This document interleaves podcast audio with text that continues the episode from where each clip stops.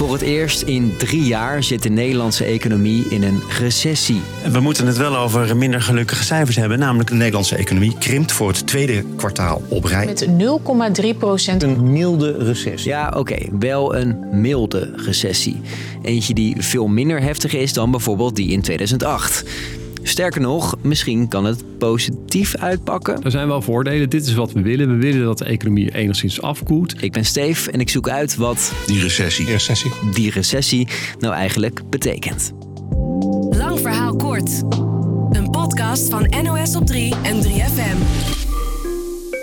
Eerst even de basics, want die economielessen liggen waarschijnlijk al jaren achter je. Allemaal onvoldoende. Wat is een recessie precies? Economen hakken een jaar altijd op in vier kwartalen. Is er nou twee kwartalen achter elkaar, een half jaar dus, sprake van economische krimp, dan is er een recessie. Ja, en wanneer hebben we het dan over economische krimp? Vraag ik aan Roland Muller van de economieredactie. Nou, je moet je eigenlijk voorstellen dat je alles bij elkaar op moet tellen wat bedrijven in Nederland uh, verkopen aan jou en mij als consument, maar ook aan de overheid. Maar ook wat ze bijvoorbeeld verhandelen aan het buitenland. Als je dat allemaal bij elkaar optelt, zegt Roland, dan krijg je het BBP, het bruto binnenlands product. Dat bepaalt eigenlijk hoe sterk de economie van een land is. En op het moment dat die twee kwartalen achter elkaar niet groeit, maar krimpt, dan spreek je over een recessie. En waarom dit dan nu gebeurt, heeft voor een groot deel te maken met de oorlog in Oekraïne. Doordat we nu veel meer aan bijvoorbeeld energiekosten betalen, geven we minder geld uit aan andere dingen. En waar Nederland normaal juist veel spullen exporteert, is dat door de oorlog ook anders nu. Het gaat dus niet zo goed met de internationale handel. En daarom hebben wij daar ook bijvoorbeeld meer last van dan bijvoorbeeld Duitsland, Frankrijk en België. Want die hebben een kleinere internationale handel dan wij. Maar hoe erg is die recessie nou eigenlijk? Nou, het valt sowieso nog wel mee als je naar het verleden kijkt. Oké, sorry, maar heel even terug naar. Nederland gaat op slot. Coronatijd. Toen kon er opeens natuurlijk een heleboel niet. Winkels uh, werden dichtgegooid. Uh, je kon je geld eigenlijk niet uitgeven. Dus dat was ook een hele atypische recessie. We zijn ook best wel snel daar weer uitgeklommen. Een beter voorbeeld is daarom 2008. Toen deze man nog premier was. Nederland kan het weer. Die VOC-mentaliteit. Jan-Peter Balkenende. Over grenzen heen kijken. Dynamiek. Het vertrouwen in de economie nam af. Mensen gingen minder uitgeven. En de consequenties daarvan waren toen ook heel erg groot. Die crisis begon in de Verenigde Staten, waar banken failliet gingen. En dat gebeurde later ook hier. In Nederland en in Europa. En uh, nog grotere gevolgen waren daarna dat bijvoorbeeld ook landen daarna ook in de grote financiële problemen kwamen. Ja, andere koek dan de recessie van nu.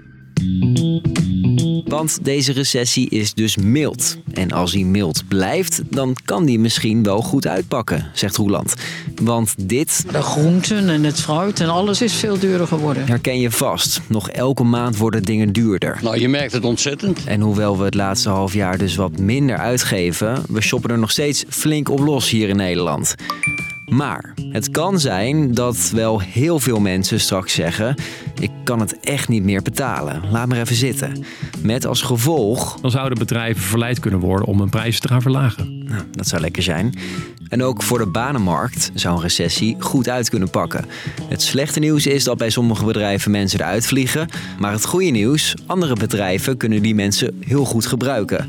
Banketbakkers bijvoorbeeld. Zelf volop meewerken, vanaf drie uur vanochtend. Dus. Jan de Groot, je hoort hem hier, heeft dringend medewerkers nodig. Omdat hij nu soms moet zeggen, sorry, geen taart vandaag, want we hebben te weinig mensen. En uh, ja, dat doet me wel iets.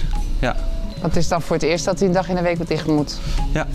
Nou, straks misschien wel blije banketbakkers, iets minder hoge prijzen. Al met al misschien dus wel even goed, zo'n milde recessie. Nou, dat is natuurlijk wel heel moeilijk om te zeggen, want er zullen nu ook heel veel mensen luisteren die denken, ja, maar ik betaal ontzettend veel en het gaat bij mij economisch helemaal niet goed. En die, er zijn natuurlijk ook nog heel veel mensen die hebben bijvoorbeeld nog geen loonsverhoging gehad. Ja, die hebben toch wel heel veel moeite om uh, de eindjes aan elkaar te knopen. Dus, lang verhaal kort, we zitten in een recessie. Voor het eerst sinds drie jaar.